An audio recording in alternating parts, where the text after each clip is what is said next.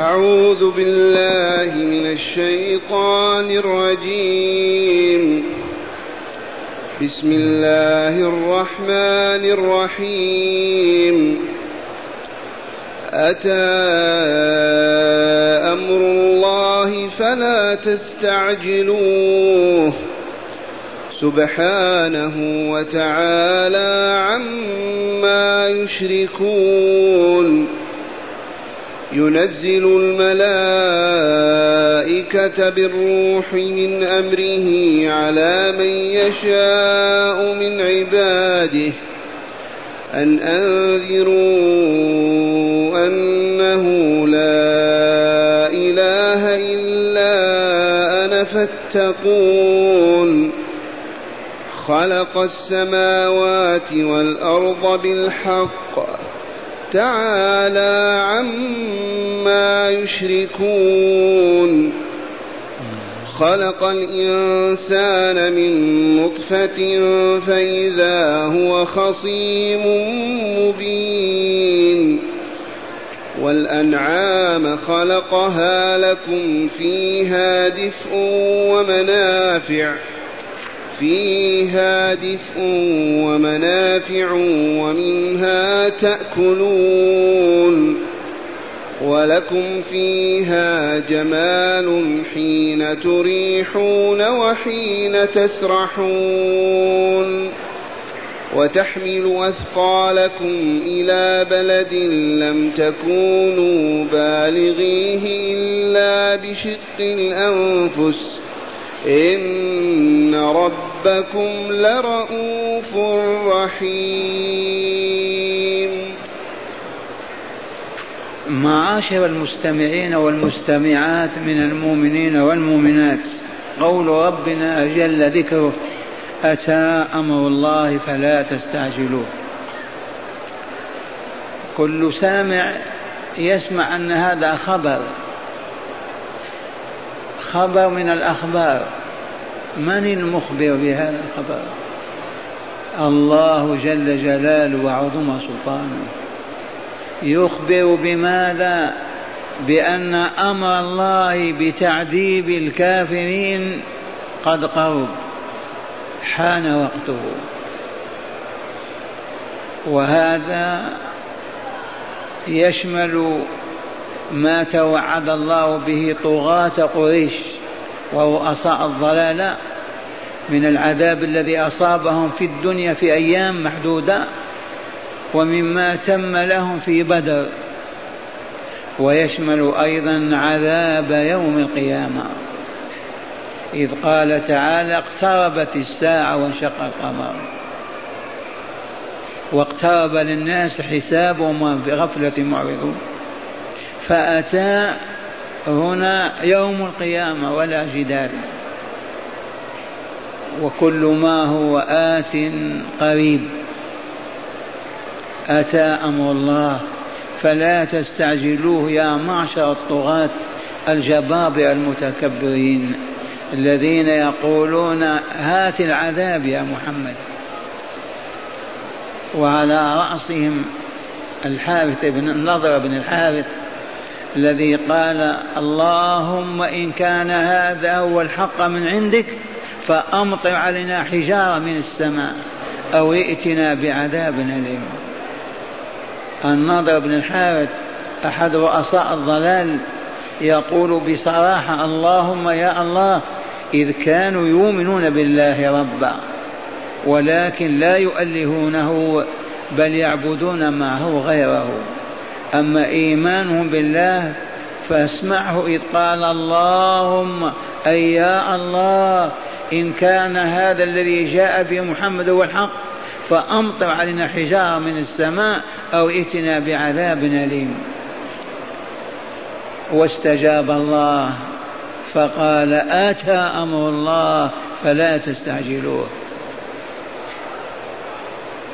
ونزه تعالى نفسه عن الشرك فقال عز وجل سبحانه أي سبحان الله الذي أتى أمره فلا تستعجلوه. سبحانه تنزه وتقدس وتطهر وبعد عن كل نقص وتعالى وترفع عن المشركين. عما يشركون من آلهة باطلة.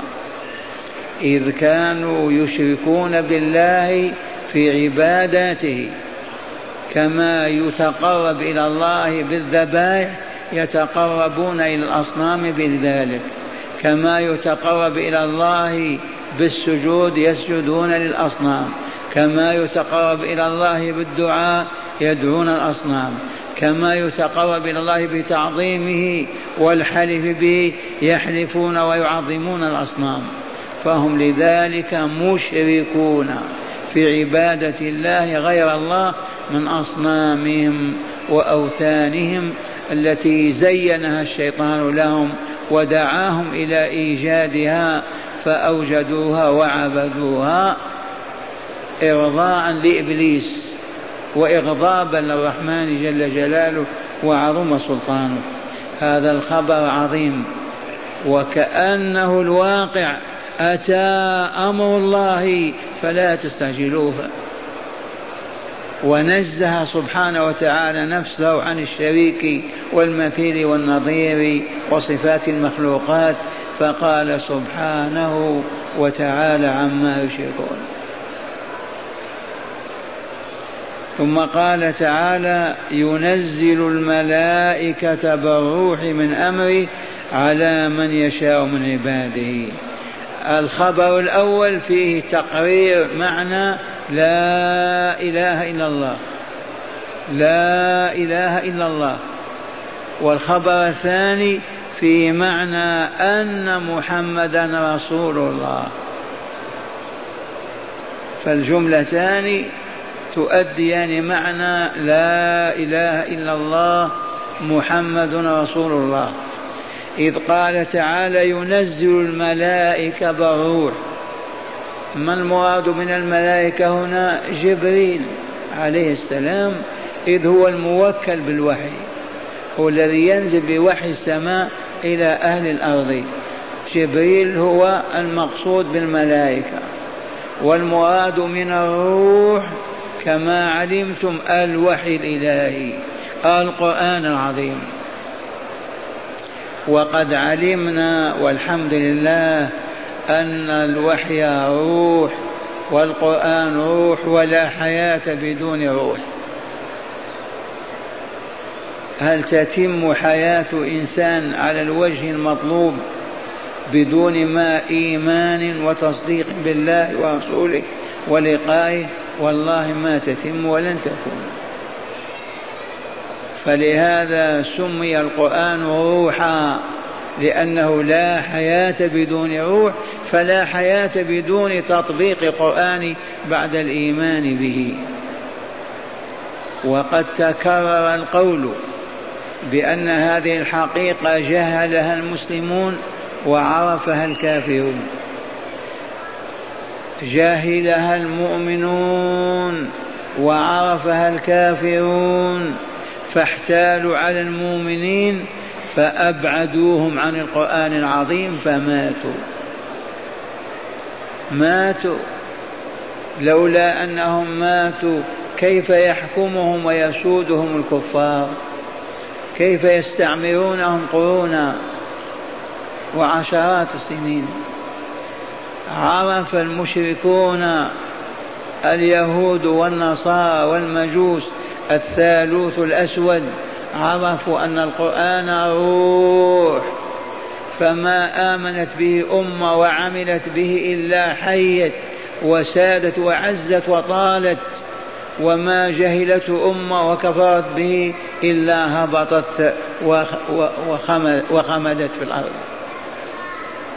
فاحتالوا على المسلمين فوضعوا قاعدة تقول تفسير القرآن صوابه خطأ وخطأه كفر. هذه موضوعة من الثالوث الأسود. تقول هذه القاعدة التي عهدوها للمسلمين ليصرفوهم عن القرآن فلا يجتمع عليه أبدا لدراسة وفهم مراد الله مما جاء فيه قالوا لهم تفسير القرآن صوابه خطأ. إن فسرت فأصبت فأنت مخطئ وإن فسرت فأخطأت فأنت كافر. فمضت فترة من الزمان قرون مئات السنين ما يجتمع اثنان على آية يتدارسونها ولا يجتمعون أبدا على تفسير كتاب الله عز وجل. بل إذا فسرت القرآن يدخل السامع اصبعيه في أذنيه ويشرد من مكانك خشية أن ينزل به العذاب. ومن ثم أماتونا فمتنا. فهيا نعد إلى الحياة نعود إلى القرآن. إيمان الصدق والتطبيق الحقي دراسة بعد الحفظ والقراءة والعمل بإحلال ما أحل وتحريم ما حرم واعتقاد ما أمر باعتقاده والعمل بما أمر بالعمله وإقامة حدود الله وشرعه كما هي مبينة في هذا القرآن العظيم. ينزل الملائكة بالروح من أمره على من يشاء من عباده. من شاء من عباده محمد رسول الله صلى الله عليه وسلم. نظر إلى البشرية كلها ما وجد أهلا لأن يوحي إليه إلا محمد صلى الله عليه وسلم. والله ما كان في الأرض من هو أهل لأن يتولى الوحي ويبلغ الرسالة إلا محمد صلى الله عليه وسلم. وقد أعده لذلك إعدادا عجبا. لقد حفظ الله النطف من إسماعيل بن عدنان من إسماعيل إلى عبد الله في أصلاب الآباء ما خالطها زنا أبدا. وهم مشركون كافرون. آية من آيات الله. من عدنان من ذرية إسماعيل إلى محمد صلى الله عليه وسلم والنطفة تحفظ من الزنا إلى عبد الله والد رسول الله صلى الله عليه وسلم.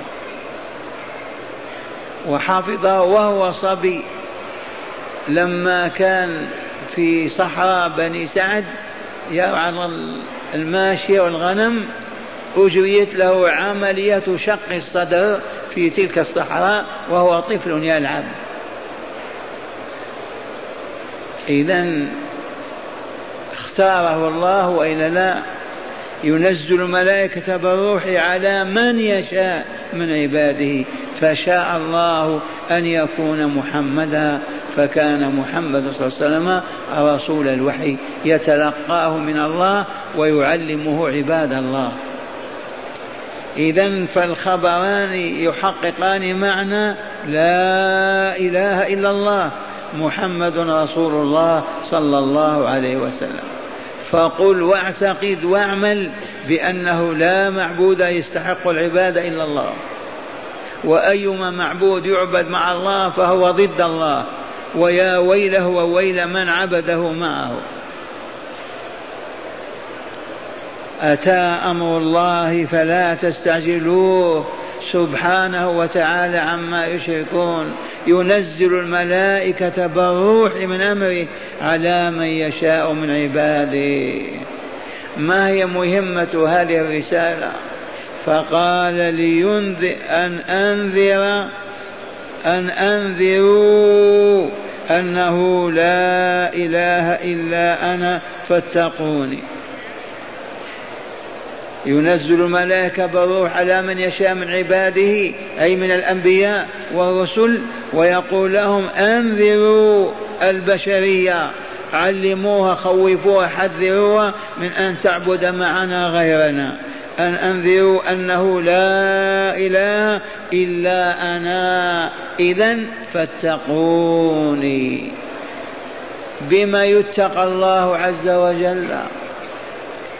ذو العظمة والجلال والكمال الذي بيده كل شيء ويقول الشيء كن فيكون يميت ويحيى ويحيي كيف يتقى. نحن مأمورون بأن نتقي الله وإلا لا أي نتقي عذابه وسخطه وغضبه. فبما يتقى عذاب الله وسخطه وغضبه يتقى بشيء واحد ألا وهو طاعته فيما يأمر به وفيما ينهى عنه. بهذا يتقى الله. ما يتقى بشيء آخر أبدا. اللهم إلا بأن يطاع فيفعل ما يؤمر به ويترك ما ينهى عنه قطعا بعد الإيمان به. فاتقون يا بني الناس. يا معشر البشر اتقوني. هكذا يقول تعالى أتى أمر الله فلا تستعجلوه. سبحانه وتعالى عما يشركون. ينزل الملائكة بالروح من أمره على من يشاء من عباده أن أنذروا أنه لا إله إلا أنا فاتقون. ثم تأتي الأخبار الأخرى تقرر معنى لا إله إلا الله حقا وصدقا إذ لا يكون الإله الحق. إلا من كان يخلق ويرزق يميت ويحيي يعطي ويمنع يضر وينفع بيده الملكوت يدبر الكون كله هذا الذي تخضع له الرقاب وتنحني ويعبد وحده دون من سواه. فقال تعالى خلق السماوات والأرض بالحق تعالى عما يشركون. من يشرك الله في الخلق خلق السماوات والأرض؟ هل هناك من شركاء لله في الخلق؟ والله ولا شريك وحده خلق السماوات والأرض. فما سر خلق السماوات والأرض وما الحكمة في ذلك؟ خلقها كما علمتم من أجل أن يعبد في هذه الأرض. خلقها بالحق. أوجد هذه ماذا؟ أوجد هذا النزل وهيأ فيه الطعام والشراب ومقتضيات الحياة ثم جاء بآدم من السماء إلى الأرض وبارك في ذريته من أجل أن يعبد فقط. ما هو في حاجة إلى السماوات ولا إلى الأرض ولا إلى خلقهما ولكن خلقهما بالحق بالحكمة. أراد أن يذكر ويشكر أراد أن يعبد فخلق هذا الخلق. خلق السماوات والأرض بالحق لا بالباطل لا باللهو واللعب. بالأمس بينا هل ترون رجل يبني بناية وينسفها؟ ممكن. يعبث يعني يخيط ثوبا يلبس ثم يحرقه. ما يكون هذا ابدا. كيف يخلق هذا الخلق كله لا لشيء؟ خلقه من أجل أن يرى فيه شكره ويسمع ذكره أي من أجل أن يعبد فيه وحده.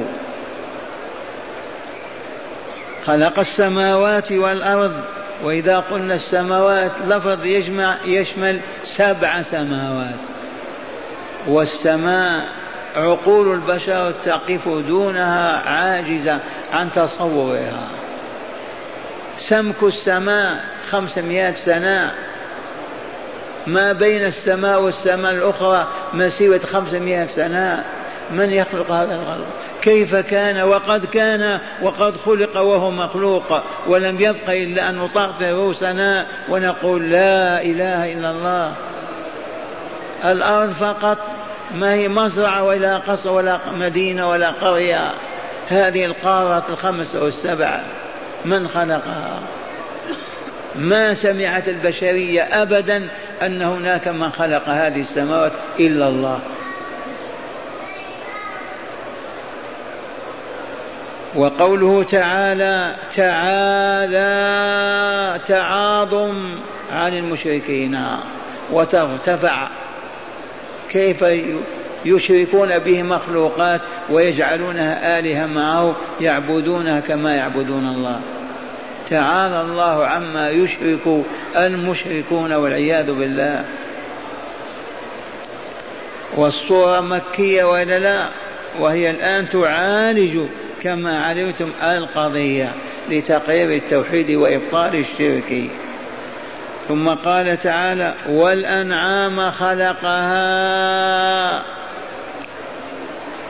والأنعام خلقها. نعم. خبر آخر. خلق الإنسان من نطفة فإذا هو خصيم مبين. خلق الإنسان سبحان الله بعد ما خلق السماوات والأرض خلق الإنسان كما علمنا. خلق الإنسان من أي شيء؟ من الذهب من النحاس من الفضة من العسل من اللبن. خلقه من نطفة قذرة منتنة. لا يقوى الإنسان على لمسها والنظر إليها هذا المخلوق من هذه النطفة القذرة يتعالى ويتكبر ويأبى أن يخضع لله ويعبده عجبا لحال الإنسان. لو نظر إلى أصل خلقته لاستحى من الله عز وجل.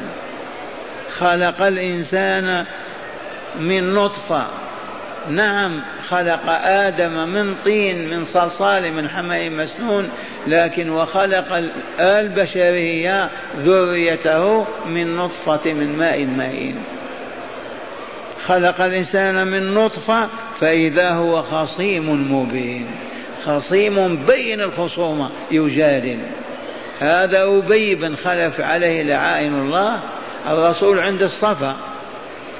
فجاء بعظم وقال يا محمد أترى أن الله يحيي هذا بعدما رم وكسر العظم. أترى أن الله يحيي هذا العظم بعدما رم. فأنزل الله تعالى فيه في سورة ياسين وضرب لنا مثلا ونسي خلقه. قال من يحيي العظام وهي رميم؟ أجبه قل يحييها الذي أنشأها أول مرة وهو بكل خلق عليم. ما تحتاج إلى جدال أبدا. الذي أنشأ أول مرة هو الذي يعيد. والذي ما أنشأ كيف يحيي؟ قل يحييها الذي أنشأها أول مرة وهو بكل خلق عليم في تركيبه وخلقه وإيجاده ووقته المناسب له.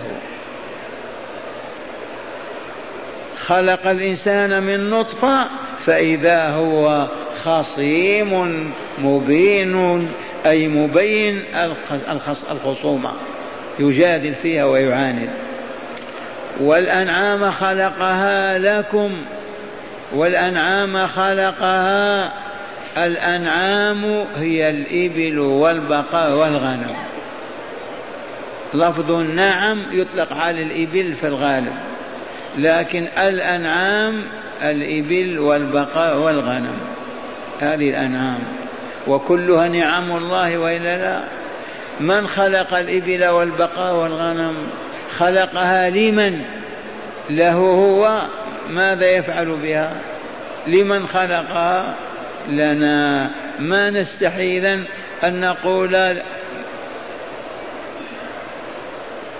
كيف نشرك به وننسب عبادته إلى غيره. ونحن نعرف أنه هو الذي خلق هذه الأنعام لنا. فنستحي إذن أن نعبد غيره. أو ننادي سواه أو نلتفت إلى غيره وهو خالقنا وخالق هذه الأنعام لنا ومن أجلنا.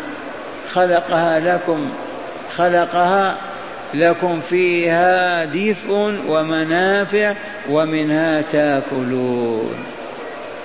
لكم فيها دفء الدفء معروف ضد البرد. الدفء يكون بلباس الصوف. أليس كذلك؟ والأنعام الصوف في الغنم والوبر في الإبل ومنها تتكون أنواع الملابس على اختلافها للدفء وغير الدفء كالفراش وما إلى ذلك. ولكم نعم لكم فيها دفء ومنافع الألبان واللحوم والجلود وكل ما فيها ننتفع به. اللبن السمن. ولكم فيها جماء نعم. لكم فيها منا لكم فيها دفء ومنافع ومنها تأكلون. فكل اللحوم من أين؟ من الإبل والبقاء والغنم. لا من الحمور ولا من البغال ولكن من الأنعام الإبل والبقاء والغنم ومنها تأكلون. ثم يقول تعالى ولكم فيها جمال حين تريحون وحين تسرحون. هذا يعرفه أهل الأنعام لما يسوق الرجل إبله ويأخذها إلى المرعى وهو ماشي يجد فيها جمال لا نتصور نحن ولا نقدر على تصوره. لكن هو يجد في ذلك الجمال. حين تريحونها في المرعى بعدما ترعى في النهار يعودون بها في المساء إلى إلى مرابضها.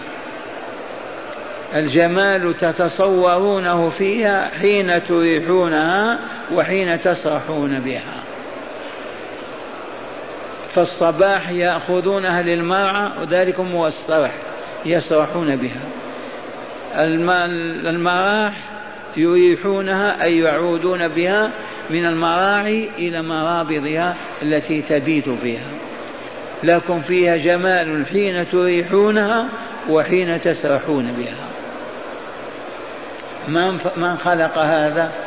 ما في من يقول اللات أو العزى أو منات أو عيسى أو محمد أبدا.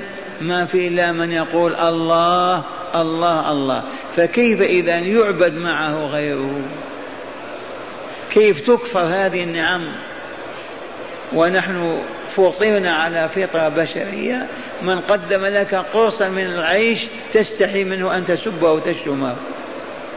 قدم لك معروفا أدنى معروف تحترمه وتكبره وتعظمه فكيف بالذي خلق هذا كله لنا وما نعبده ولا نشكره ولا نذكره حتى الذكر؟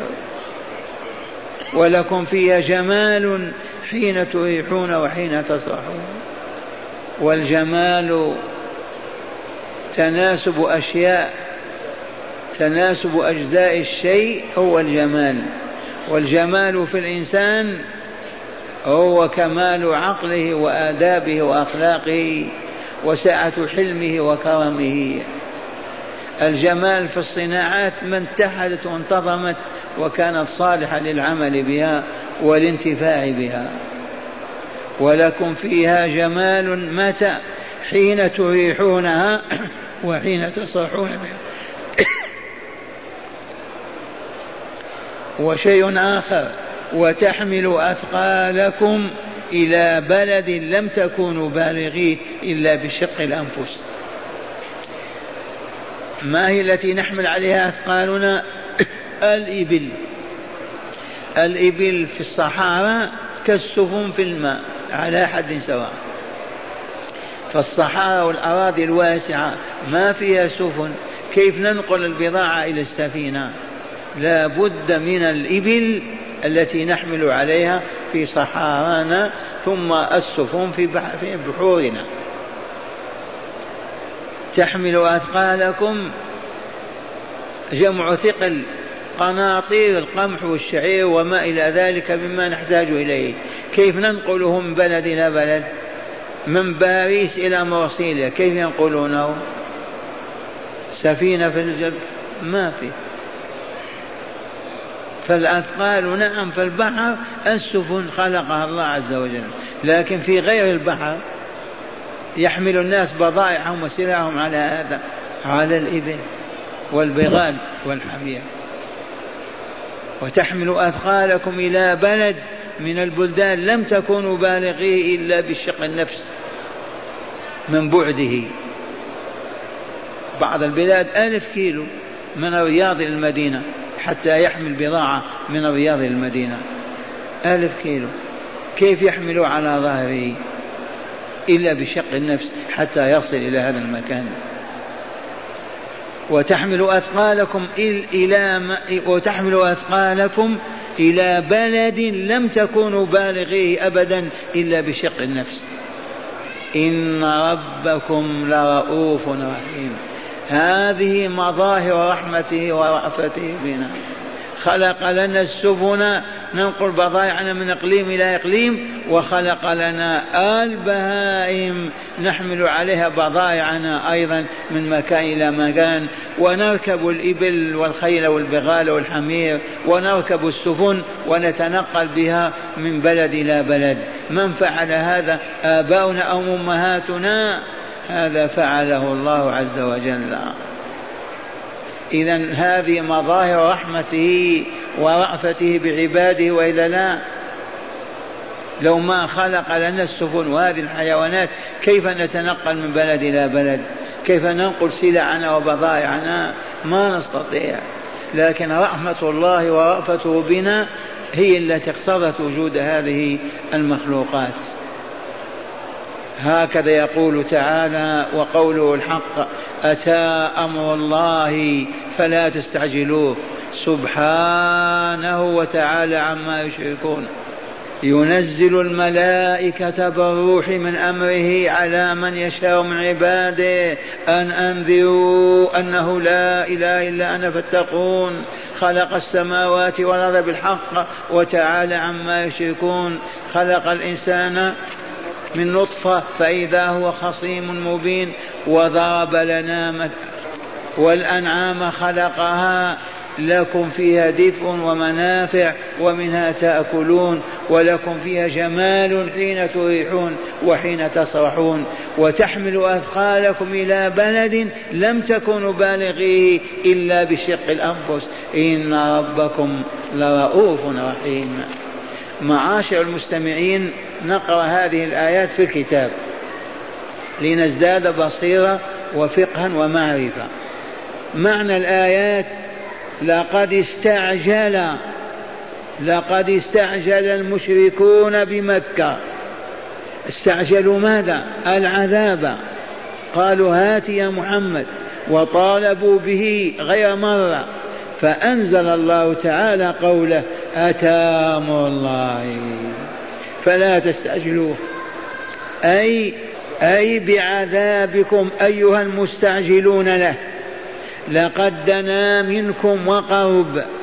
فالنضر بن الحارث القائل اللهم إن كان هذا هو الحق من عندك فأمطر علينا حجارة من السماء أو ائتنا بعذاب أليم. قال تعالى جاءه بعد سنيات قلائل فهلك والعياذ بالله تعالى على صورة عجيبة بموته. جاءه بعد سنيات قلائل فذلك فهلك بعد فهلك ببدر صبرا. محبوس حتى مات في بدر. أبشع موت ماتها. وإلى جهنم وعذاب يوم القيامة لمن استعجله قد قرب قد قرب وقته ولذا عبر عنه بالماضي ما قال يأتي أمر الله قال أتى أمر الله. عبر عنه بالماضي لتحقق وقوعه وقرب مجيئه. فلا معنى إذن للاستعجال والمطالبة به.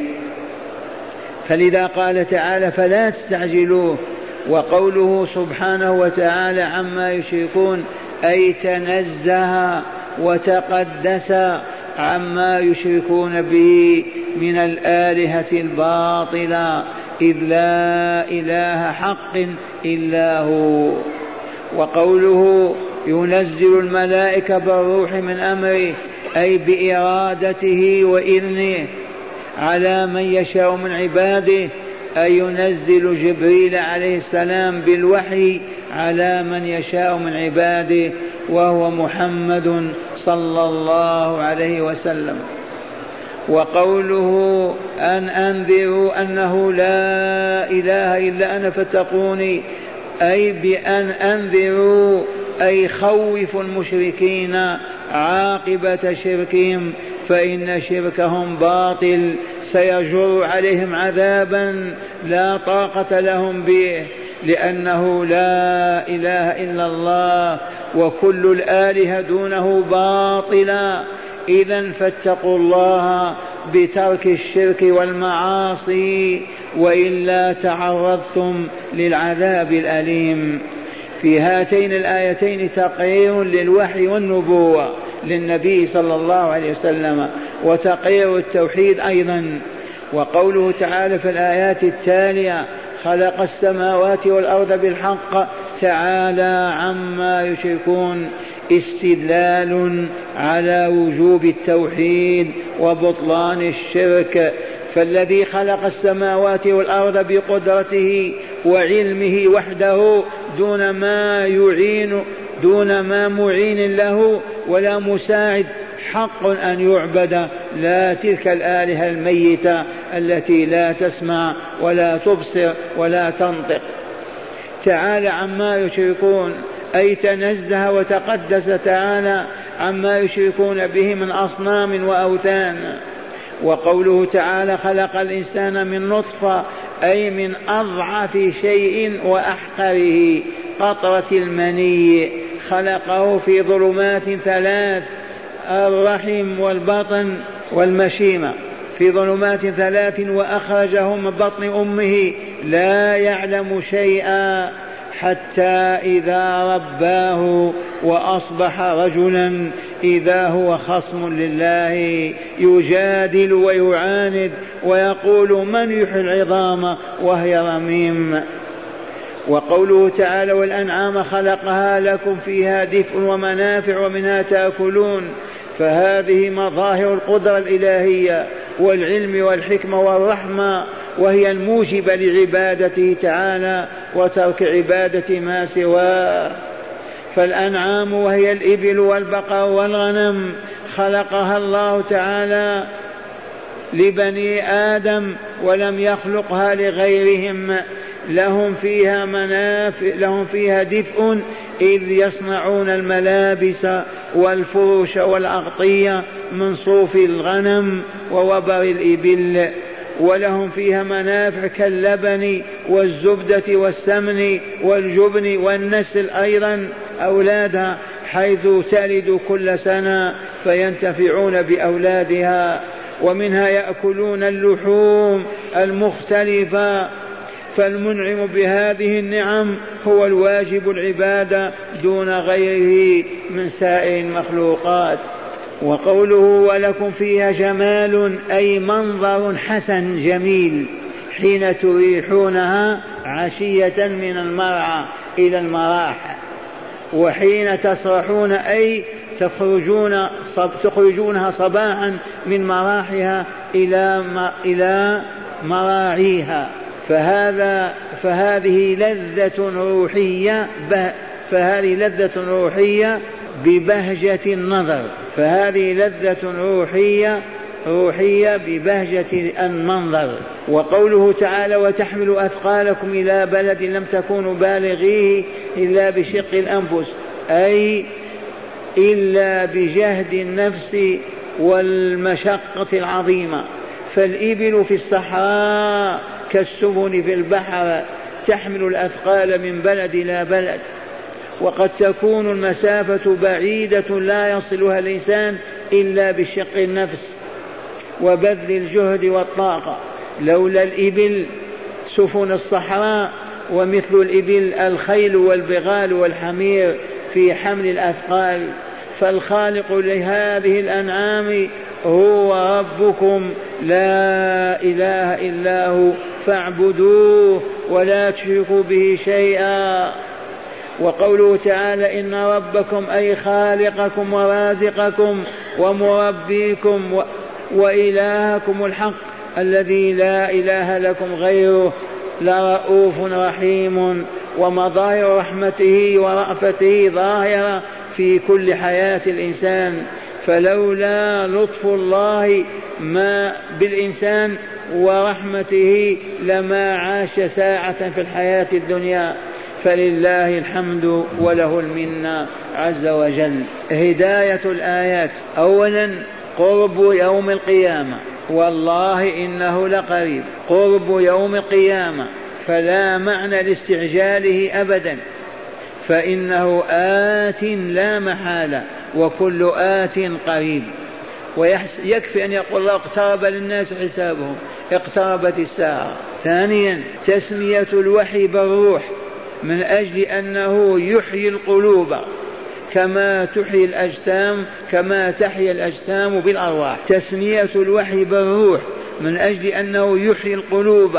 كما تحيا الأجسام بالأرواح. ثالثا تقرير التوحيد والنبوة والبعث الآخر. بذكر مظاهر القدرة الإلهية والعلم والحكمة والرأفة والرحمة. وهذا الذي نقرره الصور المكية كلها تقرر التوحيد والنبوة والبعث الآخر.